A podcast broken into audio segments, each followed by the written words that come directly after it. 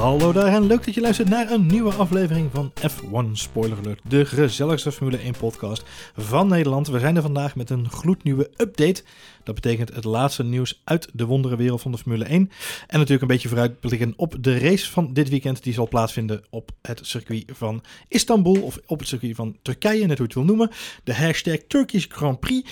Ik zit hier natuurlijk niet in mijn eentje, maar zoals jullie gewend zijn en waar jullie ook stiekem allemaal op hoopten, is er weer, dames en heren, Marjolein. Hallo, wat een leuke introductie. Ja, ja, goedemiddag. goedemiddag. Het is mijn Gaston-imitatie. Lijkt het ergens op? Nee? Ja. Goed. Marjolein, we hebben een druk programma voor ons. Ja, Ik heb er hard aan gewerkt. 23 races. Tikkelen, tikkelen, tikkelen, tikkelen. Oh, dat bedoelde Ja, je niet. Daar gaan we zo het even hebben. Ik heb eerst even een breaking nieuwsje voor je. Ja, Want vertel. terwijl wij eh, de studio indoken, las ik nog net op de valreep mee. Mhm. Sergio Perez staat op het punt, of overweegt op dit moment, om een sabbatical te nemen volgend jaar. Aangezien het nogal lang duurt bij Red Bull voordat ze met een beslissing komen. Oh mijn god, is dit weer zo'n nieuwe tactiek uit het kamp? eh, Team Perez heeft... ja, Team Perez, die hebben ongeveer dezelfde tactieken als Team Trump. Die eh, nog even en hij huurt de Four Seasons af, eh, het tuincentrum, tuincentrum wel te verstaan. En daar gaat hij aankondigen dat hij een sabbatical gaat nemen. Ja, dat zal het zijn inderdaad, ja. Ja, kom op man. Als je Red Bull onder druk gaat zetten, wil zetten. De Red Bull haalt toch zijn schouders op. Ja joh, die... Denk je eh, serieus dat Helmut Marco hiervan onder de indruk is? ik, ik mag het hopen van niet, om eerlijk te zijn. Nee. Dit zit er geen bal. En ja, dan neem je een sabbatical. Dan ga je lekker niet bij Red Bull rijden. Moet je zelf weten. jongen, jongen, jongen. Het leuke was wel dat het deze week veel ging over Red Bull alsnog. Hè, terwijl eigenlijk de alle hoofdrolspelers zich redelijk gedijst hielden. Eh, alleen Alexander Albon die heeft eh, duidelijk laten weten dat hij geen eh, zin had in een rol bij Alfa Tauri. Dus op het moment dat hij teruggezet zou worden, zou hij daar niet mee akkoord gaan, zei hij zelf. Ehm, of hij dat nou bedoelde als in zijnde, ik ga er niet mee akkoord. Of mentaal ga ik er niet mee akkoord. Ik zou mezelf er niet bij neerleggen. Dat laat ik even het midden. Eh, maar goed, dus nee, hij is niet de enige die sabbatical overweegt. Heeft hij dat gezegd? Ja, ja, hij heeft Albon gezegd ja, in een interview. Eh, ja, het was fighting spirit van, eh, van Albon. Zijn we niet Ja, van de fan fighting natuurlijk. spirit, fighting spirit. Dat vind ik helemaal geen fighting spirit. Weet je wie fighting spirit heeft? Pierre Gasly. Nou, inderdaad. Die is teruggegaan. Die heeft gezegd, ik ga niet bij de pakken neerzitten. Ik ga gewoon een Grand Prix winnen. Zo en dat is- heeft hij gedaan. zo en zo ga je om met tegenslag in het leven, Johan. je, je neemt je verlies en je treedt af of terug. en dan, dan kom je sterker terug. Ik heb toch het idee dat jij iets te veel in die, eh, in die verkiezingsmodus bent blijven hangen daar in Amerika. Dat was een pittig weekje voor je vorige week. Nou, ik wil niet zeggen dat iedereen dat eh, op die manier eh, moet of kan doen. Nee, laten we vooral hopen dat... eh, Maar voor Pierre Gasly heeft het gewerkt. laten En we ik, vooral ik, hopen dat de president van Amerika niet terugkomt, Marjolein. ik wou net zeggen dat die, dat sterker terugkomt. Dat, maar goed, dat, ook dat is een optie. Hè? Ik kan gewoon weer mee gaan doen over vier Laat- jaar. Laten we die niet Maar- in ons achterhoofd houden. Marjolein. Nee, maar wat we natuurlijk, ja, van Albon vind ik het wel een zwaktebod. Ik bedoel, kom Ja. op, je rijdt gewoon niet goed. Dan ik moet je terug naar de junioren, hoppa. Sinds, sinds Monza nog één punt gepakt, vind ik dat je het eh, niet heel Heb je erg, niet zo eh, heel veel te zeggen niet hoor. heel veel noten op de dank te hebben inderdaad. nee. Of, of hij moet impliceren van, ik, ja, dan ben ik niet goed genoeg voor Formule 1 en dan ja, ga ik carrière als kunstschilder overwegen of zo. Ja, prima. Hè? Dan, dan is het prima. Maar, maar dan vind ik eigenlijk dat je gewoon nu, vandaag, naar huis moet vliegen en moet zeggen, ik stop ermee. Binnenkort zien we een YouTube-serie van Alexander Albon als Bob Ross. Ja, Jezus, weet, ik veel. Maar dit- als, je, als je niet bereid bent om bij Toro Rosso te laten zien... Sorry, Alfa Tauri. Dit is echt een running gag in deze podcast. Ehm, als je niet bereid bent om te laten zien wat je waard bent, alsnog... In je, in je laat wel wezen, in het derde jaar Formule 1 volgend jaar... Ja, dan eh, ben je niet uit het verkeerde goede, zou- goede, hout gesneden. Maar Ik goed, ik, ik weet niet wat hij letterlijk gezegd heeft. Nee, hè? Dus laat- ik- ik- eh, zoals ik het las, ik laat fake hem- nieuws, Johan. Nee, nou, Oh. nou, nee eh, zoals ik, ik laat in het midden, wat ik al Ja. zeg. De, de geschreven tekst laat interpretatie, ter interpretatie over of hij gezegd heeft dat hij zich daar niet bij neerlegt als zijnde, ik doe het niet en daarmee klaar. Of hij heeft gezegd, eh, dat kan ik voor mezelf niet vergoeilijken, daar kan ik mezelf niet bij neerleggen. Ik moet altijd het maximale eruit zien te halen voor mezelf. Ja, ja, ja. ja. Dat is even de vraag. Mhm. Ehm, overigens, eh Perez is dus niet de enige die een sabbatical overweegt, want de andere die een sabbatical overweegt, eh, hij is in goed gezelschap, is eh Danik Fiat. Die, eh, ja, die is natuurlijk een beetje aan het einde van zijn carrière aan het komen daar bij AlphaTauri. Dat Mhm, de meeste mhm. mensen, ja, of Alexander Albon of Yuki Tsunoda komen op zijn plek. Is nu op dit moment de vraag welke van de twee dat gaat worden. Ehm, en hij heeft ook al aangegeven, joh, ik vind het niet erg, ik ga er een jaartje tussenuit. Ik heb het al een keer eerder gedaan. Was hij testcoureur hè, bij Ferrari, of Dat heeft Fiat gezegd? Ja, ik viel dat even, ga ik er een jaartje tussenuit. Kom ik daarna weer terug. Ik denk dan, ja, dat is niet, hè, ook strijdbaar, is ook makkelijk. Even een jaartje tussenuit. Weet je wie ook nog steeds op sabbatical is? Eh, ja, Mika Hakkinen. Mika Hakkinen, die schijnt volgend jaar terug te komen bij Williams. Ja. Ik wou net zeggen, als ze nog iemand zoeken. nou, hij, zal Kunnen genoeg, ze altijd bellen? hij zal genoeg sponsoren meebrengen, denk ik. Dat denk ik ook, ja. Hey, eh, en eh, het andere laatste nieuwtje, vandaag nog eens bevestigd. Kevin Magnussen en Romain Grosjean zijn in verregaande gesprekken om volgend jaar IndyCar te gaan rijden. Oh, ik dacht ook op zijn bedkot te gaan. Verregaande gesprekken om op zijn Ja, te gaan. nee, eh, zowel Magnussen als Grosjean dus eh, naar Amerika. Het, eh, ja, het eh, is ook een soort sabbatical. klinkt als een soort spannend jongensboek. Ja. Kevin en, Kevin en Romain, in Amerika. in Amerika. Het geheim van de chameleon. Het spannend avontuur. Een spannend avontuur met vier wielen. Een jongensboek. Hey, jij hint er al even op, eh, want dat is eigenlijk wel hetgene waar het deze week natuurlijk voornamelijk over gaat. Er Mhm. is een nieuwe kalender voor 2021, Marjolein. Mhm. Met maar liefst 23 races. Een absoluut nieuw record. Behoorlijk pittig. Eh, er staat er nog wel eentje op ter discussie. Dat is namelijk Vietnam. Die is er namelijk tussenuit gewiept. Eh, ik weet niet of jou was opgevallen. Maar daar schijnt eh, het een en ander op politiek vlak te spelen. Waardoor Vietnam alsnog op dit moment een TBC'tje is. To be continued of decided, om het zo maar even te zeggen. De vraag is daar, ja, wat gaat daar plaatsvinden? Hè? Wordt dat dan toch een, een? Wordt het een, een Imolaatje, een Portimautje? Dat is de vraag. We weten het niet. Ik, eh, hoeveel eh, Grand Prix stonden er dit jaar ook weer op de planning? 22. 21, 22, ja. 22. 22. Ja. En eh, welke is er dan nieuw bij? Een nieuw bij is, even kijken, Saudi-Arabië natuurlijk. De, de wel goed ontvangen, positief door iedereen benaderde Grand Prix van Saudi-Arabië. Hm. Nou, nog steeds geen Miami. Nee. Vietnam valt dus weg. En voor de mensen die de F1 2020 game hebben, eh koester hem, want het is een unicum. Want daarin is de Vietnambaan al eh, te spelen. Hè? Dat een speelbare eh, Ja. track. Ik kan je vertellen, ik ben maar blij dat we daar niet heen gaan. Want het is een verschrikkelijk saai circuit. Maar het is wel het enige circuit wat ik ken in de wereld waar een rotonde in zit. Dus dat op zich... ik weet niet, ja, ik weet niet of mensen die hem gespeeld hebben. Het is, eh, het niet het meest spannende circuit ter wereld. Maar goed, eh, is dus voorlopig uit de kalender geschroefd. En we zien nog steeds geen Grand Prix in Miami. Wat natuurlijk ook al een tijdje eh, in vragen is of dat nog gaat plaatsvinden. Ehm, ja, gelukkig hebben we nog steeds wel echte toppers als Frankrijk. Paul Ricard. En, Echte eh, topper. Echte topper. Sochi, niet vergeten. Ook een toppertje. Dat is een heel spannende. Ja, eh, Abu Dhabi is natuurlijk altijd spannend, hè. Seizoensafsluiting. Vind ik altijd een heel spannende race. maar geen, en dat ben ik wel een beetje jammer, geen Portimao, geen Imola, geen Mugello, geen Nürburgring. Het zijn allemaal weer verdwenen. Je weet het niet, hè? Het is, ja, laten we hopen dat dit gewoon eh, de races zijn. Maar ja, als het allemaal weer de verkeerde kant op gaat in de wereld, dan, dan zien we die races misschien wel terug. Ja, het zou natuurlijk zomaar kunnen dat het de spare, eh, de backup lijst is, om zo maar te zeggen. In, Het is, in, in eh, Ferrari-termen, dat is plan D, zeg maar. Ja. Ja, het is, het is interessant om te zien hoe de hele wereld. eh, ja, eigenlijk, het is wel grappig. Alsof eh 2020 aan het eind van het jaar, op 31 december, is, eh, is corona ook ineens voorbij. Een reset. Ja, Ja, het is een harde reset. Dan zijn we allemaal ingeënt. En dan, eh, nou, 2021 niks aan het handje, joh. Nou, gaan we die bij. Gaan we gewoon gaan. Dus dat, dat vind ik wel komisch aan deze kalender. We, we doen natuurlijk alsof het dan allemaal is opgelost. Eh nou is natuurlijk wel veel goed nieuws te melden. Er zou een vaccin in verregaande ontwikkeling zijn. Er zijn zelfs al plannen gemaakt om, om inderdaad mensen te gaan inenten. Ik begrijp, ook in Nederland hebben ze het over het eerste kwartaal volgend jaar. Ja.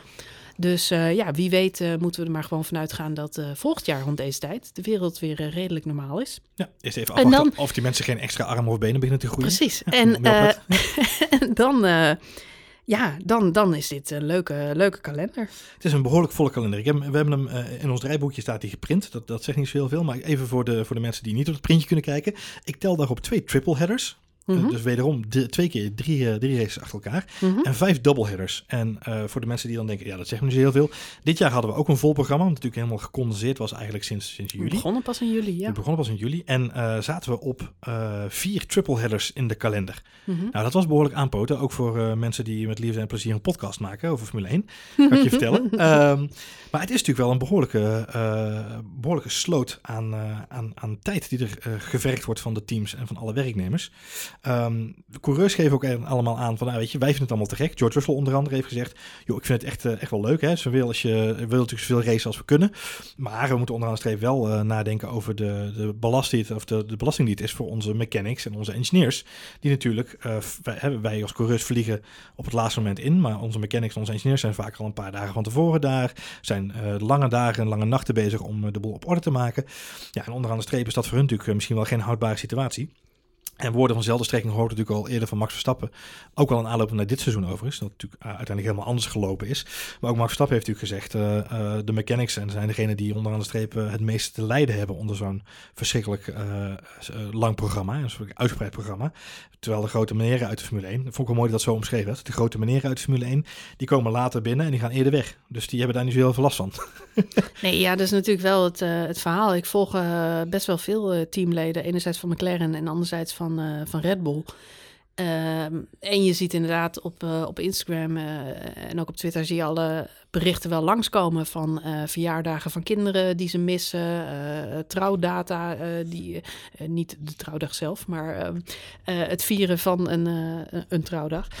dat, de eerste schooldag. Een, een, trouwdag? Ja, waar is mijn man nou? Ja, sorry, waar is mijn man? Ja, die had ik ja. nee, maar er zijn, er zijn inderdaad ja, veel momenten, ook, ook fotografen trouwens in de Formule 1 volg ik ook een aantal. Het is heel leuk om die te volgen, want je ziet die mensen reizen. Je ziet hoe het leven achter de schermen op zo'n circuit is en waar ze allemaal komen en wat ze allemaal zien.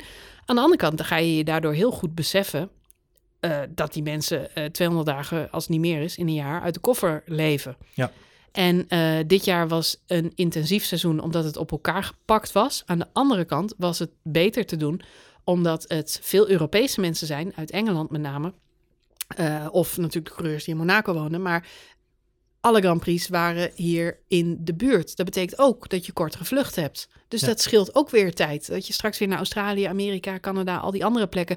moet je ook weer met jetlag uh, rekening houden... en de extra tijd die het nodig heeft om aan, die tijd, aan dat tijdverschil te winnen. Ben je thuis ook niet de gezelligste, dus dan ben je wel thuis. Ja. Maar uh, dan ben je al aan het voorbereiden op en je moet eerder weg. En dus hoe verder we weggaan... Uh, en hoe langer het duurt, want we gaan van maart tot en met december volgend jaar. Ja, ja wat, dat sociale leven van, uh, van werk in de Formule 1. Dat is nou een keuze. We, we, eindigen weer met een echte officiële Pepernoten Grand Prix, Marjolein. Want uh, 5 december uh, eindigt het seizoen volgend jaar. Wordt een uh, leuke Sinterklaasavond. Wordt een leuke Sinterklaasavond. Hey, um, ze gaat zo nog even hebben over de impact voor teams. als het gaat om deze duur. Er zijn nog wat andere kleine veranderingen die op de kalender plaats hebben gevonden. Met name heeft dat te maken met eigenlijk de show rondom Formule 1. natuurlijk, traditiegetrouw was dat Formule 2 en, en Formule 3 races die er gereden werden in dezelfde weekenden. Dat gaat volgend jaar ook compleet op de schop. Jij gaf mm. zelf al aan net, inderdaad, die mogen niet meer in hetzelfde weekend plaatsvinden. Dus eigenlijk krijgen die alle twee een eigen kalender. Formule 2 gaat zelfs naar drie races, las ik. En zojuist, heet van de naald, uh, de W-Series gaat als ondersteunende race mee. Ja, tof. Heb jij al uh, iets gehoord van, uh, van, van de details daar? Want dat zijn volgens mij minder races ook, toch? Het zijn uh, acht races staan er gepland. W-Series is natuurlijk, uh, voor de mensen die het niet kennen, maar dat, zijn, dat zullen er niet veel zijn. Maar het is een soort uh, raceklasse, maar dan alleen voor dames, dames autosport. En dat is begonnen in 2019, dus die hebben één seizoen gehad. Dit jaar zou dat gelijktijdig zijn met de DTM. Dus zij zouden races rijden op, op de plekken waar ook een DTM-race gaande was. Dat is door corona allemaal niet doorgegaan. De hele W-Series is gecanceld. Ze hebben alles virtueel gedaan trouwens. Ja, er is wel een uh, virtueel kampioenschap geweest. Uh, waarbij het Visser natuurlijk ook weer uh, hartstikke goed gedaan heeft. en gelukkig sowieso Bijtske Visser, die heeft lekker Le Mans gereden. Dus dat is top. Dus gelukkig zijn er wel weer toffe stappen gezet. Ik als vrouw word er altijd erg blij van. Vroeger leek het echt onmogelijk om als meisje ooit in de Formule 1 terecht te komen. de afgelopen jaren lijkt het toch ineens iets te zijn wat binnen handbereik begint te komen. En ik heb al vaker gezegd, dat heeft ook een beetje te maken met het veranderen van de auto's natuurlijk. Ja. Uh, autosport is verschrikkelijk fysiek. Moet je echt uh, uh, ja, op bepaalde plekken hele sterke spieren voor hebben. Um, om, om dat te kunnen. Echter staat tegenover, het is ook een steeds intelligentere sport geworden. Uh, de bediening van de auto, het aansturen ervan, uh, bandenmanagement, uh, het nadenken erover. Met andere woorden, ook dames kunnen, als ze talent en tactisch inzicht en de kunde en de oefening hebben, ja, een serieuze concurrent zijn. Kijk, het is natuurlijk niet leuk als je in een sport gaat concurreren. Het is in elke sport. als je de vrouwen tegen de mannen laat hokje of voetballen. Uh, dan zijn ze fysiek niet op hetzelfde niveau. En dan is het niet tof. Maar als je op de een of andere manier uh, ja, de brug kunt slaan tussen dat ze echt gelijkwaardig zijn. En we hebben dat in Amerika natuurlijk al gezien met Danica Patrick en uh, tal van andere dames die in die klasses gewoon gelijkwaardig al zijn. Als we dat ook in de formule eh, kampioenschappen kunnen bewerkstelligen, zou top zijn. Dat is ook een beetje de achterliggende gedachte van, eh, van Formule 1 hierbij. Hè. Die willen nu de W-series dus combineren met een aantal eh, Grand Prix weekenden. Het gaat om acht races. Het is nog niet bekend welke Grand Prix weekenden dat gaan zijn. Verwachting is dat Mexico en Amerika daar in elk geval bij zitten omdat W-Series daar ook uh, vorig jaar, of twee, eh, vorig jaar in 2019 een race heeft gereden. En een belangrijke stip op de kalender is. Maar ja, dit past ook goed bij ja, het um, We Race as One. De campagne die dit jaar door de Formule 1 omarmd is. En dat allemaal ja, naar aanleiding van meer gelijkheid in de sport. En ik denk dat het heel positief is. We zagen uh, rondom Sochi alweer, uh, was er een heleboel te doen rondom de Women in Motorsport uh, campagne die ook loopt. Een heel traject wat er nu uitgezet is door de FIA. Mm -hmm. Waarbij ze ook uit allerlei landen, en ook Nederlandse bijdrage daaraan, die heeft het tot aan de ene laatste ronde, dus net niet in de, in de laatste ronde gered. Maar dat is een soort afvalrace tussen allerlei getalenteerde dames uit de motorsport. Die volgens mij in karting begonnen zijn. Uiteindelijk zo elke keer een proef weer verder gingen en trainingskampen gingen. En onder andere Sebastian Vettel en Charles Leclerc hebben ze toegesproken. Want het, uiteindelijk krijgen, krijgt de winnaar van deze uh, Women in Motorsport de heren hebben de dames toegesproken. Ja, precies. Nou, een Johan. stukje mansplaining naar de mensen toe, inderdaad. Top. Nou, wat ik, wat ik tof vond daaraan, Marjolein, dat is, het klinkt, als je het zo omschrijft, klinkt het inderdaad heel erg uh, slecht. Dat wat ik, klinkt heel verkeerd, ja. Wat ik, wat ik, wat ik, zo zal Sepp het vast niet bedoeld hebben. Nee, wat ik leuk vond aan, uh, aan Sebastian Vettel zijn uitleg inderdaad. Hij zei inderdaad, laat je niet te veel op de kop zitten door de jongens. Want onderaan de streep doen ze ook maar wat. En jullie zijn net zo goed en net zo kundig. En ik kan niet wachten tot ik een vrouw in de Formule 1 mag verwelkomen. Hopelijk sneller dan later. Uh, dus ja, weet je, wederom wel overwogen woorden van Sebastian Vettel. Zoals we hem kennen eigenlijk. Uh, maatschappelijk betrokken buiten de cockpit, zullen we maar zeggen. Um, maar goed, de winnaar van deze, uh, dit hele traject bij de FIA krijgt uiteindelijk een plekje in de Ferrari Driver Academy. Dus dat is een beetje de, de inzet van dit spel. Het is een soort The Voice, alleen dan de steering wheel. Ja, ik kan het niet anders omschrijven. Het is hopelijk daar binnenkort ook. Ja. Ik, ik, ik, ik betrap mezelf er steeds op dat we over 10, 20 jaar gaan we hier gruwelijk om lachen. In de zin van hoe houterig dit allemaal ging. Geforceerd we, bedoel je? Ja, ja voor, maar, maar aan de andere kant, je moet je realiseren dat uh, dit is de manier waarop verandering tot stand komt. Verandering heeft tijd nodig. En hetzelfde heb je in de voetbal uh, gezien, want met voetbal was lange tijd zelf damesvoetbal. Dat deed er niet toe en dat deden we niet. Uh, maar het feit dat er ooit uh, dames vrij succesvol zijn gaan voetballen in Nederland, heeft er uiteindelijk voor gezorgd dat we nu het beste, nou ja, het ene beste dames voetbalteam van de wereld hebben op Amerika na. Ja. En um, ja, daar ben je niet zomaar. Daar heb je eerst uh, mensen voor nodig die een land spreken. En uh, trouwens, even weer in Amerika, zie je hetzelfde, de eerste vrouwelijke vicepresident. Dat heeft ook even geduurd hoor, mensen, ja. voordat we daar waren. Maar nu is het er. En uh, ja, goed, zo, zo, ja, in het begin is het allemaal een beetje knullig en dan is er nog heel veel aandacht voor. Maar ja, over 20 jaar, 30 jaar, ja, dan rijden er gewoon vrouwen in de Formule 1 en dan kijken we niet meer op of om. Ja, laten we en dan doen we, doen we daar zeker niet zo over alsof dat een big deal is. Laten, we, laten we vooral niet vergeten dat het, dat het niet is wat nieuw is. Hè? Want er hebben natuurlijk nee. al, al eerder vrouwen in de Formule 1 gereden. Of ja, in de, maar in dat was maar dat is nu heeft het nog steeds iets van, uh, nou, we hebben het erover. Ja, maar, maar dat, is, dat is gek, want de enige reden, het enige wat in de weg staat dat uh, vrouwen ook in deze sportklasse kunnen uitkomen, is uh, fysiek, fysieke kracht. En wat ik zeg, als dat op de een of andere manier nu te overbruggen is, en dat gevoel heb ik wel met de auto's waarin we nu rijden, uh, ja, dat dat ook veel meer neerkomt op technische skills, talent, vaardigheid en minder op die nekspieren. Ja, dan zie ik geen enkele reden waarom uh, een meisje daar ook niet in uh, door zou kunnen breken. Nee, eens. Dus dat een, uh, en, en over een paar jaar is dat niet meer bijzonder hoor. Dan is het gewoon normaal. Laten we daar gewoon vanuit gaan. Vind ik een mooie stip om op de horizon te zetten, Marlijn. Hey, um, even terug naar, naar het komende weekend. neergestreken in Turkije. niet neergestreken in Turkije zijn twee teambazen. Namelijk die van Ferrari en die van Williams. Nou, die van Williams, Simon Roberts, dat is de tijdelijke vervanger van Claire Williams. Die heeft daar een hele duidelijke reden voor. die is Tijdelijk? Uh, hij is de tijdelijke vervanger van Claire Williams, ja, voor, dit, uh, voor nu. Uh, voor volgend jaar is dat weer de vraag of, die, of hij het, het volledig gaat overnemen. Ja, oké, okay, maar het, het, wekt de indruk dat Claire nog terugkomt. Maar Claire komt niet nee, terug. Nee, Claire gaan we niet meer zien voorlopig. Nee, nee. precies, oké. Okay. Misschien als ze ooit nog een keer terugkomt in een andere rol. Maar ik, ik verwacht niet dat dat het geval zal zijn. Nee, oké, okay, ik snap het. Die, ja. zal, die zal ook net zoals Mika Hakkinen op een heerlijke sabbatical zijn. Ja. Um, nee, Simon Roberts is, is de, de huidige team principal van, van Williams. hij is echt positief getest op COVID-19, oftewel het coronavirus. Dus hij is dit weekend niet in de bubbel te vinden. Nou, dat betekent dat hij vanuit zijn quarantaine het team moet gaan leiden. Um, wie ook thuis blijft, of eigenlijk achterblijft op Maranello, is de one and only Matteo Binotto. De teambaas van Ferrari wil namelijk dit weekend testen of het mogelijk is om met het team ook vanaf afstand te kunnen werken. Dus het team vanaf afstand te kunnen runnen als teambaas. Volgens zijn baas, Laurent Mekkies, heeft hij een werkwijze ontwikkeld al toen hij technisch directeur was, waardoor hij vanaf Maranello net zo effectief zou kunnen werken als op de pitwall in Turkije. Nou, dan hoop ik maar dat zijn internetverbinding sneller is dan zijn Formule 1-auto. Want anders dan kunnen die pitstops nog wel eens uh, lang gaan duren. Wat zei je? Gele bandjes? Wacht even. De verbinding hapert. Wacht even. Gele? Witte. Witte bandjes. Oké, ja, check. Nee, oh, rode, rode. Jongens, banden eraf. Andere banden. Uh, je het meemaken inderdaad. Ja. Het zou grappig zijn, toch? Dat zou heel grappig zijn inderdaad. Mijn zoomcall valt weg. Ja, precies. Hallo, aperend. ja. Nee, of eh, net inderdaad een paar milliseconden vertraging op de lijn. Dat is lastig. Nee, uh, Binotto, het is geen verrassing. Binotto had een, op Imola al aangegeven dat hij uh, een aantal races zou gaan missen. Beginnende vanaf Turkije. Uh, dat had ook te maken, gaf hij toen nog aan, dat hij voldoende aandacht wilde gaan geven aan de fabriek. Volgens de teambaas van Ferrari zijn ze al druk bezig met het seizoen 2021 daar. En het is natuurlijk altijd zoeken naar de, balans, de juiste balans tussen fabriek en circuit. Nou ja, uh, even kijkend naar de grotere beweging, Marlijn. We hadden het al heel even over die 23 races voor 2021.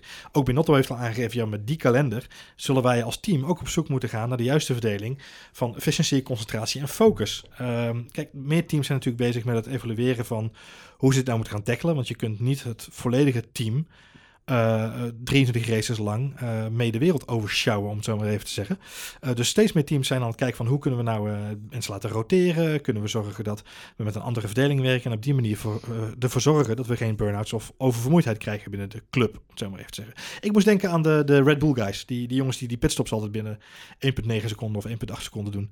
Mm -hmm. die, die, zullen ze gewoon moeten klonen nu. Die hebben ze, je kunt ja, ze zullen een A- en een B-team moeten gaan selecteren. Die jongens, die jongens zullen, ik bedoel, die jongens draaien op Red Bull, hè? dat is logisch. Maar je kunt natuurlijk niet hebben dat die jongens na twee races zo oververmoeid zijn dat ze net even die paar milliseconden laten liggen die ze nu elke keer winnen. Dus daar zullen ze toch een soort kloonmachine voor moeten gaan maken. Uh, ja, eens. ik, ik kan me zo voorstellen dat ze inderdaad met uh, twee ploegen gaan werken of zo. Maar ja, aan de andere kant, ja, het is al zo moeilijk om, uh, om je A-ploeg te selecteren. Ja, nou, ik, ik las wel dat Mercedes wel nu al besloten om ook bijvoorbeeld uh, voor het komende weekend ook weer andere mensen mee te nemen vanuit uh, de fabriek. Om te zorgen dat de mensen die nu eigenlijk de afgelopen weken meegewerkt hebben aan het kampioenschap, dat die even weer een weekendje rust hebben. Extra. Uh, dus er wordt wel degelijk getoetst en, ge, en geprobeerd. Maar ja, ik vraag me af, is dit inderdaad ook voor een teambaas werkbaar?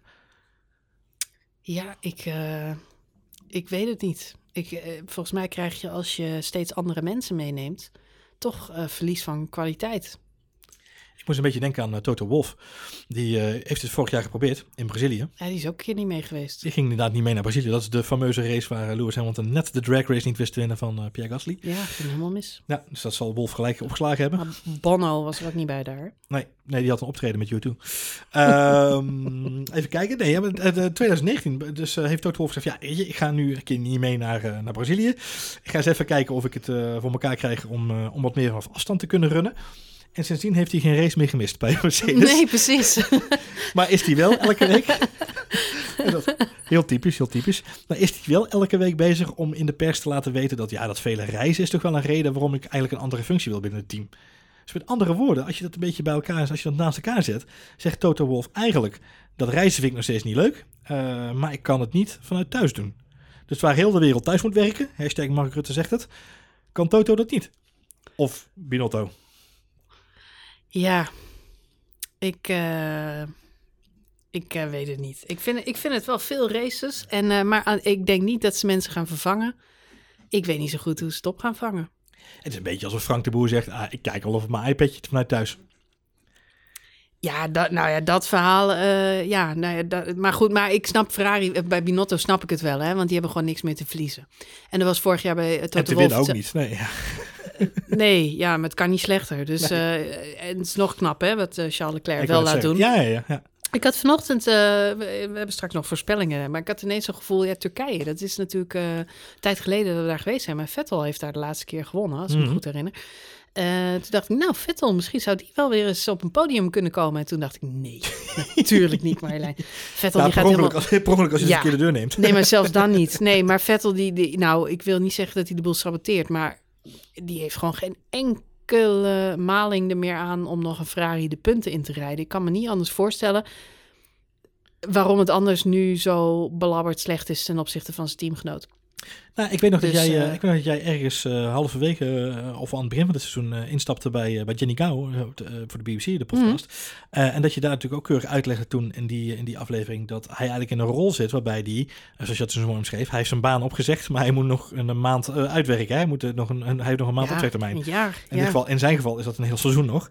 Ehm, en en dat las ik toevallig deze week ergens anders op in een stuk terug waar iemand ook zei: ja, het Daniel Ricciardo. Oh, nee, ja, ook Oh, Daniel Ricciardo ja, inderdaad. Goed, die het zegt. Hetzelfde soort strekking inderdaad. Ja. Maar eigenlijk zit eh, Vettel in dezelfde visuele cirkel. Dat als, als het dan niet goed gaat, dan kun je jezelf ook niet meer opladen. En dat is het verschil met Daniel Ricciardo. Die kan het namelijk wel. Ja, Daniel Ricciardo heeft deze week in een interview eh, tegenovergestelde gezegd van waar, wat we eigenlijk nu beweren. Die heeft namelijk gezegd, ik wil Renault met een happy gevoel achterlaten. Exact dat, dacht ik, ja. ja, dat zou ik ook zeggen voor 50 miljoen. Met een happy gevoel en een lege portemonnee. Ja, ik zou ze ook happy willen achterlaten, want ze Ja. zijn wel 50 miljoen armer. Dus Ja, ik snap het wel, dat je ze dan niet een rot gevoel wil geven. Happy maar failliet. Ja. Ja, het kost ook slokgeld. Maar goed, hetzelfde zou je over Vettel kunnen zeggen. Die hebben natuurlijk daar ook veel geld in geïnvesteerd. Maar bij Vettel speelt gewoon mee de manier waarop. Ja. En ik denk dat eh, de manier waarop Binotto hem opgebeld heeft en gezegd... luister, je, je rijdt volgend jaar niet bij Ferrari en uh, Toedeledoki...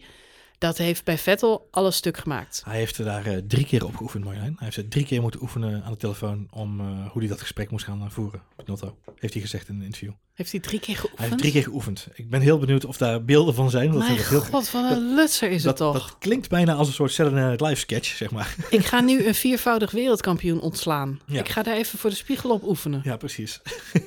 En ik ga een jongen, een, jong, een jonge jongen nog, vertellen dat zijn jongensdroom aan duigen ligt. Daar ga ik ook nog even op oefenen.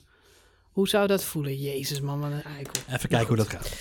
Uh, nee, ik snap dat hij thuis werkt. Want uh, de, ja, wat wil je nog met Ferrari? Toto Wolff heeft vorig jaar, jij zei het al, hetzelfde gedaan. En dat was ook nadat uh, Mercedes de titel al veilig had gesteld. Ja, klopt. Nou, in dit geval kunnen we dus in ieder geval zeggen dat Ferrari zich veilig heeft gesteld als ze geen titel gaan pakken. Dus... Ik wou net zeggen, daar is echt, het maakt ook allemaal kein flauws aus. Nee. Volgens Toto Wolff heeft Ferrari overigens ook 2021 al opgegeven. Uh, omdat ze dus gaan focussen aan 2022. Ja. En dus voorziet hij alleen maar een tweestrijd met Red Bull volgend jaar. Uh, met andere woorden, ik vermoed dat het volgend jaar een eenstrijd wordt. ja, daar ben ik wel bang voor. Uh, ik mag nog wel even aan bedenken, Marjolein, is uh, naar aanleiding van, van onze eerdere discussie over het, het drukke programma, 23 races, is het feit dat het tweedaagse programma daar misschien nog wel wat soelaas zou kunnen bieden. We hebben natuurlijk dit jaar meegemaakt in Duitsland, wegens het noodweer daar en op Imola, waar de tijd een, een, rol speelde, dat de teams maar twee dagen in actie kwamen, alleen op zaterdag en op zondag. De, met andere woorden, dat zou betekenen dat er een, een, een dag uit het reisschema verdwijnt. Uh, dus de vrijdagtrainingen vallen dan weg. Uh, vrijdag is dan de persdag. Even een snelle rekensom tussen jou en mij. Uh, dit jaar hadden we zeg maar even 20 races van drie dagen. Alles bij elkaar zijn dan alle mensen van een team zo'n 80 dagen van hun leven weg. Want ze zijn vier dagen op het circuit. Als we volgend jaar 23 races hebben van twee dagen, dan zouden we maar 69 dagen op pad zijn. En wie bedoel je dan precies? De mensen van de teams, in dit geval. Ja, maar we zijn daar geen vier dagen. Ze zijn op dit moment vier dagen. Oh, je bedoelt met de uh, huidige coronamaatregelen? Ja, op dit moment zijn, zijn ze komen op donderdag komt, uh, komt de hele bubs invliegen. Op uh, donderdag is het invliegen plus, plus opbouwen. En op vrijdag is het kwalificatie, zaterdag, of vrijdag training, zaterdag training, kwalificatie en zondag de race. Um, de tweedaagse programma's die we gehad hebben, betekent op vrijdag invliegen, sorry, op, de, ja, op vrijdag invliegen. En dan op zaterdag kwalificatie en training en op uh, zondag de race. Dus dat betekent dat je van vier dagen weg vanaf fabriek naar drie dagen weg vanaf fabriek gaat. Ja, maar jouw rekensom gaat niet helemaal op. Eén, dit zijn coronamaatregelen, maar voordat er corona was... Uh, kwamen de teams echt wel veel eerder aan. Maar dat had ook met allerlei sideprojecten te maken. Neem bijvoorbeeld dat uh, Red Bull Energy Station verhaal ding. Dat is een gigantisch uh, centrum wat elke Grand Prix wordt opgebouwd. En ik geloof dat ze daar alleen al um, een week nodig hebben om dat ding op te bouwen. Plus, wat je ook nu overslaat, dat zijn de doubleheaders en de tripleheaders. Waarbij de vraag of het verzoek vaak is om op de locatie te blijven en niet tussentijds naar huis te vliegen. Ja, klopt. Dus die overbruggingsdagen, zoals we dat in Oostenrijk bijvoorbeeld hadden, van blijven in Oostenrijk, maar ook eh, tussen twee races van we rijden in één keer door. Ja, dan, dan ga je dan die dagen tellen er nog bij op. Nou, nog veel belangrijker, en dat is eigenlijk de reden waarom ik dit reeksommetje wel even met je wilde maken inderdaad, is dat dit een uh, verhaal is wat uh, vooral door Liberty veel wordt opgevoerd om te zeggen, kunnen we niet gewoon naar een tweedaags programma toe? Ook om de show interessanter te maken. Hè? Mm -hmm. We hebben natuurlijk wel gemerkt, zeker Duitsland en Imola dit jaar, dat het wel uh, in een seizoen wat redelijk in steen geschreven stond, zo'n beetje de hele, de hele seizoen lang, dat het wel wat meer spanning bracht in de races en in de kwalificatie. Het feit dat er wat meer onduidelijkheid was bij de teams. Um, maar goed, Liberty Media House kan zo'n reeksommetje wel maken. Alleen waar ze geen rekening mee houden, is dat volgend jaar sowieso alle teams weekenden extra weg zijn. Het gaat niet zozeer om het totaal aantal dagen. Het gaat erom dat ze gewoon weekenden weg zijn. En precies wat jij zegt, uh, op social media zie je voorbij komen weer een weekend weg. Punt. Ja, maar even terug naar de kern van de basis van de essentie van de sport. Dit slaat natuurlijk helemaal nergens over. We hebben het hier over een sport en niet over een entertainmentprogramma en reclamegelden en doeleinden. En tuurlijk, onderaan de streep is dat je businessmodel en er moet geld in het laadje zijn, anders kan het allemaal niet plaatsvinden. Maar wanneer moeten die jongens ooit nog een keer hun auto testen en uitproberen? Er zijn al geen testdagen meer. Buiten Barcelona mag er niet getest worden. Zo onderhand zit je naar een sport te kijken, naar voetbal, en die jongens mogen nooit trainen. Ik bedoel, als ik elke week naar het Nederlands elftal zit te kijken... en die jongens die hebben nooit een keer samen geoefend...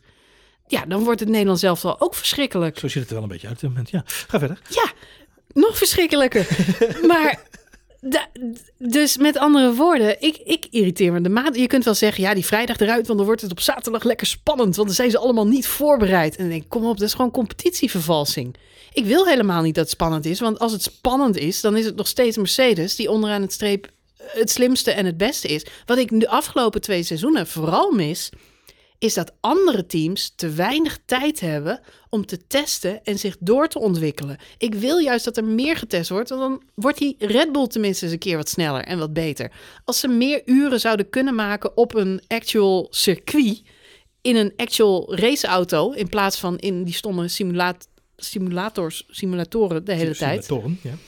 Dan, uh, ja, dan verzamelen ze daar tenminste ook data. En daarna, ja, voor de fans, als je naar een Grand Prix weekend gaat en je kunt, dan ga je voor de full experience. En dan is die extra dag alleen maar leuk. Ja. Ik heb het laatst ook al gezegd, maar Zandvoort zijn heel veel mensen die kaartjes voor de vrijdag hebben gekocht. Puur en alleen om even sfeer te proeven. Uh, de kaartjes voor het hele weekend zijn duur. Kaartjes voor de vrijdag zijn goedkoop. Je kunt volgens mij Monaco, de vrijdagmiddagtraining, kun je voor een paar tientjes naar binnen. Als je op vakantie bent, je bent in de buurt, is dat de experience of a lifetime. ja, maar, maar dat is te gek. Het is de meest laagdrempelige, goedkope manier om als fan iets van Formule 1 mee te maken en mee te krijgen. Dus fuck off met dit soort rare maatregelen. Want één, ik wil sporters zien die gewoon getraind hebben voor een wedstrijd. En dus ook teams die hun auto steeds verder verbeteren. Want innovatie en beter wordende coureurs, dat is waarom ik naar deze sport kijk. En twee, uh, geef de fans alsjeblieft die vrijdag, want het is een hartstikke leuke dag. Nou, daarmee sluit je je direct aan één op één bij uh, de directeur van Racing Point, Andrew Green. En nou. bij onze grote vriend Toto Wolf. Dus dat, uh, daarmee vat je eigenlijk twee meningen heel mooi samen. Want uh, toevallig dat in reactie op, op dit, deze vraag Green van Racing Point heeft gezegd van... joh, ik vind het hartstikke leuk die tweedaags programma's, maar het voegt niet zoveel toe aan de show. Het is mondjesmaat. Nou, dat, dat, precies eigenlijk wat jij zegt hè. Mercedes wint het onderaan streep toch, omdat ze het beste materiaal hebben en het betere voorbereidingswerk hebben gehad, al überhaupt. Um, en daarnaast is het voor een team als Racing Point heel belangrijk om die extra uren te hebben om die auto goed te kunnen afstellen. Dus dat is, uh, is hij met jou eens, uh, of jij met hem, dat je het bekijkt. En Toto Wolf heeft gezegd, ja, ik zie het hartstikke leuk, alleen ik zie het niet voor iedere race gebeuren. Uh, met name ook voor inderdaad races waar heel veel publiek op afkomt. Australië, Silverstone, Oostenrijk, misschien wel Zandvoort dit jaar inderdaad. Ja, weet je, dan moet je die mensen ook de kans geven om de auto's te kunnen zien. Die mensen. Die mensen. Die mensen zijn de mensen die de sport groot maken. En zonder die mensen ben je nergens, Johan. Zo is het maar net. Pout to the pieps. Pout to the people. dus, ga verder. We gaan uh, door. Um, het volgende record, als je het hebt over doorgaan, komt er ook alweer aan dit weekend, Marjolein. Als we een beetje mogen afgaan op de resultaten van de afgelopen races. Um, mm. Dat is namelijk de zevende wereldtitel voor Lewis Hamilton. Oh ja. Dat, eh, moesten we, die moeten we nog even afvinken voor dit jaar, Marjolein. Dan zijn we klaar met, eh, als het goed is, klaar met eh, de grootste shows. Ja, of hij moet nog toch die voor die pole positions nog, nog kunnen, kunnen gaan. Ehm, de zevende titel van Lewis Hamilton kunnen we dit jaar, deze week waarschijnlijk gaan begroeten. Er zijn een aantal scenario's waarin dat niet mogelijk is. Ik zal het heel beknopt houden. Zolang Lewis Hamilton de race wint, en de kans daarop is zo'n 50%. eh, zolang Lewis Hamilton de race wint, is het, is het gewoon klaar. Maak daar maar 80% van. Ehm, er, is, eh, er, er is slechts één scenario mogelijk waarbij Lewis Hamilton eh, daadwerkelijk de, race, de titel niet kan pakken dit weekend. Dat is namelijk als Valtteri Bottas eerste wordt met de snelste ronde. Alleen dan kan Lewis Hamilton de titel niet winnen. En voor de rest zijn er dan allerlei scenario's waarin eh, Lewis Hamilton... Wacht even. Als Bottas wint met de snelste ronde en Lewis Hamilton wordt tweede, Ja, heeft hij niet de titel. nee. Als de, uh, Valtteri Bottas eerste wordt en de snelste ronde, dan kan Hamilton de titel niet pakken dit weekend. Wordt Valtteri Bottas eerste zonder de snelste ronde, is Dan is hij wereldkampioen. dan moet Hamilton de snelste ronde hebben. Of Bottas moet hem niet hebben. Heeft iemand dit al aan Valtteri Bottas verteld? Want volgens mij denkt hij nog steeds dat hij meedoet om het wereldkampioenschap. Maar dat is dus helemaal niet zo. Nee, het is niet aan Valtteri Bottas dit weekend om zijn snor te drukken. Dat ken je. Eh, Dat zal hij niet zomaar doen. Maar dit, ik heb een staartje hier voor me met... ik heb alle scenario's uitgeschreven. Ik zal straks een print screentje maken en hem delen op de Twitters. En eh, eh, nog even aan iedereen laten zien. Dit is een behoorlijk deprimerend staartje... Waar, waar eigenlijk heel erg op neerkomt... Bottas moet eerst worden met de snelste ronde. Alleen dan kan hij hem van de titel afhouden. Als Bottas wint en hij heeft niet de snelste ronde...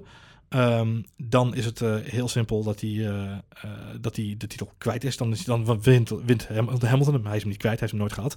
Ehm, Maar ook als Bottas wint en de snelste ronde heeft en Hamilton valt uit. Nee, dan sowieso nee, natuurlijk. ja, precies. Ja. Oké. Die, die is vrij helder inderdaad. Ja, sorry. staat ook niet in dit schemaatje, kan Nee, je vertellen. Het is, het is, Slaat mensen. Het is eigenlijk heel simpel. Eh Valtteri Bottas moet eerst worden met de snelste ronde. Of als Valtteri Bottas lager dan zevende of lager wordt, dan eh, maakt het niet uit waar Hamilton terecht komt. Kan hij zelfs inderdaad crashen. Eh, dan maakt het niet uit. Dan wint hij sowieso ook de titel. Ah, oké. check. Dus Bottas moet eh, niet- minimaal hoger eindigen dan de zevende plek. En het liefst winnen met de snelste ronde. En alle andere scenario's wint Hamilton gewoon de titel dit weekend. Oké, dus als Bottas vijfde wordt en Hamilton valt uit, dan kan Bottas nog kampioen worden. Ja, eh, op papier kan dat nog inderdaad, ja. ja dan moet er nog wel heel veel gekheid gebeuren natuurlijk. Oké, check. Dus ja, zet je, je eh, champagne maar vast koud. Dus champoepel voor dit weekend.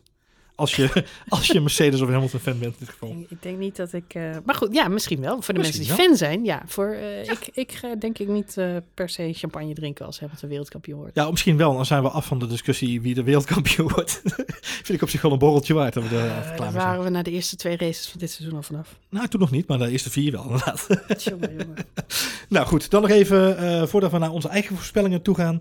De weersvoorspellingen, Marjolein. Misschien goed om in je achterhoofd te houden als je aan de slag gaat met, eh, met de voorspellingen voor dit weekend. De weersvoorspellingen zijn droog, maar bewolkt. Eh, het ziet er dus naar uit dat we een droog einde van het Formule 1 seizoen eh, tegemoet gaan. De jongens eh, hoeven geen zuidwesters meer in te pakken of regen, regenjasjes. Want ja, hierna gaan we natuurlijk naar Bahrein en Abu Dhabi. Nou, dat, zijn, dat is drie keer op een rij een woestijntje. Dus de regen hebben we volgens mij ook vrijwel gezegd voorlopig. Dus het, het, het ziet er naar uit dat er geen druppeltje gaat vallen in, in Turkije. Nou, dat betekent dat het waarschijnlijk pas gaat regenen als de race voorbij is. Voorspellingen, Marjolein. Ja, Ik ben heel benieuwd. De 500ste race voor Sauber dit weekend overigens. Sauber. Kimi, is, gaat, eh, eh, Kimi gaat weer een record. Ook een record. Vergeet hem bij de records mee te nemen. Maar eh, Kimi gaat, is deelnemer in zijn recordjaar als Formule 1-coureur. Is hij onderdeel van het record van Sauber. Die als derde team in de geschiedenis van de Formule 1 500 Grand Prix gaan rijden. Had ik nou goed begrepen dat zij weer Sauber gaan heten? Nee, Alfa Romeo blijft nog een jaartje bij. Oké, check. Ehm, ja, ja, ja. Wat gaan we doen? Wat gaan we doen? Ja, het- eh, we moeten eigenlijk iets anders gaan voorspellen dan de top drie. Vind je?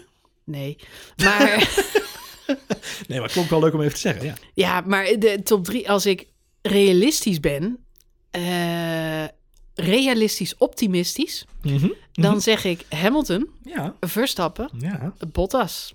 Oké. Dat is namelijk het meest optimistisch realistische scenario van de top drie. Maar als je, ja, als je gek wil doen, dan, eh, ja, weet ik niet. Dan laat ik meestal Bottas eraf. Verstandig. En dan zet ik eh, eh, Leclerc op die plek. Leuk. Hamilton, Bijvoorbeeld. Hamilton, Verstappen, Leclerc. Ja. Wat een olijk podium. ja, ik zie Gasly ook nog wel goede dingen doen. Maar Op de ja, baan of in het algemeen? in het algemeen. Ja, ik weet het niet. Is wel een vraag. Ja, nou ja, maar het is een beetje kansberekening, hè? Wat, eh, wat zet je er neer? Maar de, ja, de kans dat er twee Mercedes en een Red Bull zijn, is het grootst. Mhm. Ehm, ja, en er zijn wel wat eh coureurs die leuke dingen kunnen doen. Maar op de een of andere manier zijn mensen als Albon en Vettel en zo, die zijn daar nooit echt bij betrokken in je hoofd. Nee, nee. Dus, eh, Niet alleen in je hoofd hoor, in de praktijk gewoon ook niet. Heeft niks met je hoofd te maken, maar nee, maak je geen zorgen. Er zijn veel dingen waarvan ik maar er zeg... zijn er, nou, Gasly en Leclerc en Ricciardo, die zitten in een goede streak. Dus die zie ik nog wel eh, daar rond eh, plek 4, 5, 6 eh, eh, weer meedoen. En als er dan eentje van het podium aftetst, zoals we natuurlijk helaas met Max zagen gebeuren afgelopen race. Ja, Ja. dan kan het zomaar een eh, surprise podium zijn voor een van, Surprise eh, podium. een van die. Eh Perez hebben we dit seizoen ook nog niet op het podium gezien. Ik moet heel eerlijk zeggen, als hij eh, überhaupt nog wil worden gevraagd door Red Bull, dan zou het wel goed zijn om daar toch eens een beetje in de buurt te gaan Als je zitten. maar niet te vroeg zijn sabbatical begint, ja. Ja, dit is wel. eh, Als hij dan al sabbatical neemt, dan moet hij nog wel even zijn visitekaartje afgeven. Want we hebben dit jaar toch al een paar keer nieuwe mensen op het podium gehad. Of oude nieuwe mensen. Maar Ricciardo heeft er nu alweer twee gepakt. Ja. Gasly gehad. eh Lance Stroll heeft op het podium gestaan. We hebben allerlei gezichten daar gehad. Albon zelfs. Ja. Eh, dus ja, meneer Perez. Als jij iets wil, Ja, dat is waar. dan wordt het wel tijd om eh, te laten zien. Om te laten Dus, zien. Nou, eh, ik vind wel dat je het wel enigszins laat zien natuurlijk. Uh, hij presteert uh, eigenlijk best wel prima voor in die Racing Point. De, de, even rekening mee houden dat hij twee races gemist heeft. Staat hij gewoon keurig volgens mij op een punt achter Charles Leclerc. Zeker. Plek, de, en de afgelopen races is hij een heel stuk beter dan zijn teamgenoot. Precies, precies. Maar die bakt er ook werkelijk helemaal geen een pepernoot ja, van ineens. Nee, ja, dat is ik weet niet wat er met Lance Stroll is gebeurd, maar die is al zijn mojo kwijt. Ja, er zijn een hoop mensen die, een hoop interviews ook, die, of, of, stukken die gaan over het feit dat hij uh, na zijn COVID-besmetting toch al een behoorlijke tets in zijn zelfvertrouwen heeft gehad. Uh, en die crash op Mugello is dat volgens mij. Was het Mugello? Mm -hmm. Ja, volgens mij wel. Die, die zo hard eraf ging. Ja. Dat heeft ook wel behoorlijk bijgedragen aan zijn self-esteem, zijn zelfvertrouwen. Dus, maar goed. misschien... Ja, het was super sneu, want de hele wereld begon net om te schakelen naar... hey, verrek, Lance Stroll is eigenlijk best wel een goede coureur. Goede keus, Vettel. Vettel Stroll, ja. Ja, eigenlijk was het wel verantwoord, want hij stond ook voor in het kampioenschap. Hij was beter dan Perez, Perez in heel veel races. En nu heeft hij het allemaal weer om zeep geholpen, al die credits. Ja, dus, uh, stom hè? Gek is dat nou ja, inderdaad. stom, maar jammer, ja, nou ja, nee, hem. vreemd is dat inderdaad, dat probeer ik meer te zeggen. Hey, ik ga voor een surprise podium. Uh, het heeft alles te maken met het feit dat Bottas zich een hoedje schrikt van bocht 8 in, uh, in Turkije. Die verliest thuis een snor en die verliest een auto. betekent dat Hamilton lekker rustig aan kan doen. Die kan een extra pitstopje nemen voor de zekerheid, om te zorgen dat hij zijn bandjes niet kapot rijdt. Want ja, het is, ondanks het feit dat Pirelli zegt dat we geen gekke dingen hoeven te verwachten met de banden. Nou ja, we hebben gezien in Italië dat dat wel degelijk gewoon uh, nog steeds een factor kan zijn waar je rekening moet houden. Uh, Max Verstappen heeft dat gemerkt natuurlijk met zijn achterband. Dus Hamilton gaat het zeker wat onzeker nemen, neemt een extra pitstopje. Daardoor gaat de overwinning naar Max Verstappen aanstaande zondag. Lewis Hamilton wordt tweede en met hen mee op het podium voor een triple Royal Shoey gaat Daniel Ricciardo. Wauw. En dan heeft hij een extra schoen nodig om ook Max Verstappen een slokje uit zijn schoen te geven natuurlijk. Oh. Dus dat zou, dat zou voor mij het, uh, het ultieme dan, party dan laat podium die zijn. Renault wel heel happy achter. Ja, maar ik zou het wel een van de leukste podia vinden. Ook omdat dat dan de mensen zijn uh, uh, die dan daarna bij de ceremonie zijn dat meneer Hamilton die, die, die prijs van wereldkampioen in, in ontvangst mag nemen. Hartstikke leuk, goed gedaan, Jochie. Maar dan heb je ook een beetje een. ik vind dat wel, weet je, ja. Ja, maar het zou podium. wel de, de tweede keer zijn dat um, meneer Hamilton wereldkampioen wordt. Als Max een race Als Max een race wint. Ja. Vind ik persoonlijk heel jammer. Want ja, dan dat... sneeuwt altijd Max' overwinning een beetje onder. Ja, maar ja, goed. Max had er nog genoeg pakken in zijn leven om, uh, om dat te vergeten. Okay, om dat te vergeten. Oké, okay, oké. Zijn tijd komt nog wel. Oké. Goed. Daarmee zijn we aan het einde gekomen van deze aflevering van Spoiler Alert. Uh, hou voor dit weekend, jongens, de tijden goed in de gaten. Mocht je het niet uh, uh, scherp op Netflix hebben, in Turkije is er een tijdsverschil. Dus we gaan op zaterdag al om 1 uur 's middags kwalificeren. Uh, en op zaterdag, of zondag, sorry, zondagochtend hebben we een ochtendrace, of eigenlijk een brunchrace. Uh, om 11 uur 10 uh, gaat daar de lampen op groen. Een brunchrace? Een brunchrace, een brunchrace. Het hoofdmenu. Het hoofdmenu De is... Grand Prix van Turkije begint op zondagochtend, dames en heren, 10 minuten over 11. Ja. Niet te verwarren met 11 minuten over 11 op 11 november. Dat is de dag dat carnaval is begonnen, dat was gisteren. Ja, precies. Laat je dat niet door elkaar gooien, mensen. Nee. Dat is heel belangrijk. Ze vieren in Turkije helemaal geen carnaval. Nee, dat is heel vreemd. Ja, en de rest van Nederland eigenlijk ook niet zo heel erg veel. Hm. Goed. Goed, eh, dus 11, eh 10 minuten over 11. Zorg ervoor dat je zuutje geperst is en je eitjes gekookt. En eh, neem er een croissantje bij. Ga er lekker voor zitten. Wij zijn er dan zo snel mogelijk daarna weer met een volledige review van de Grand Prix van Turkije. Mocht je tot die tijd opmerkingen, vragen of frustraties hebben, dan kan dat altijd via Twitter naar F1 Spoiler Alert of naar Ed Marjolein. of naar Johan Voets. Of je kunt natuurlijk altijd even lid worden van onze supergezellige, altijd druk bezochte Telegram chat. Waar het deze week toevallig wel heel erg veel gaat over next-gen gaming consoles. Ik zie Xboxen, Playstation, ik zie van alles voorbij komen. Maar het gaat wel over het racen gelukkig ook. Goed zo. Voor nu, bedankt voor het luisteren. En we spreken elkaar allemaal weer heel snel. Ciao, ciao.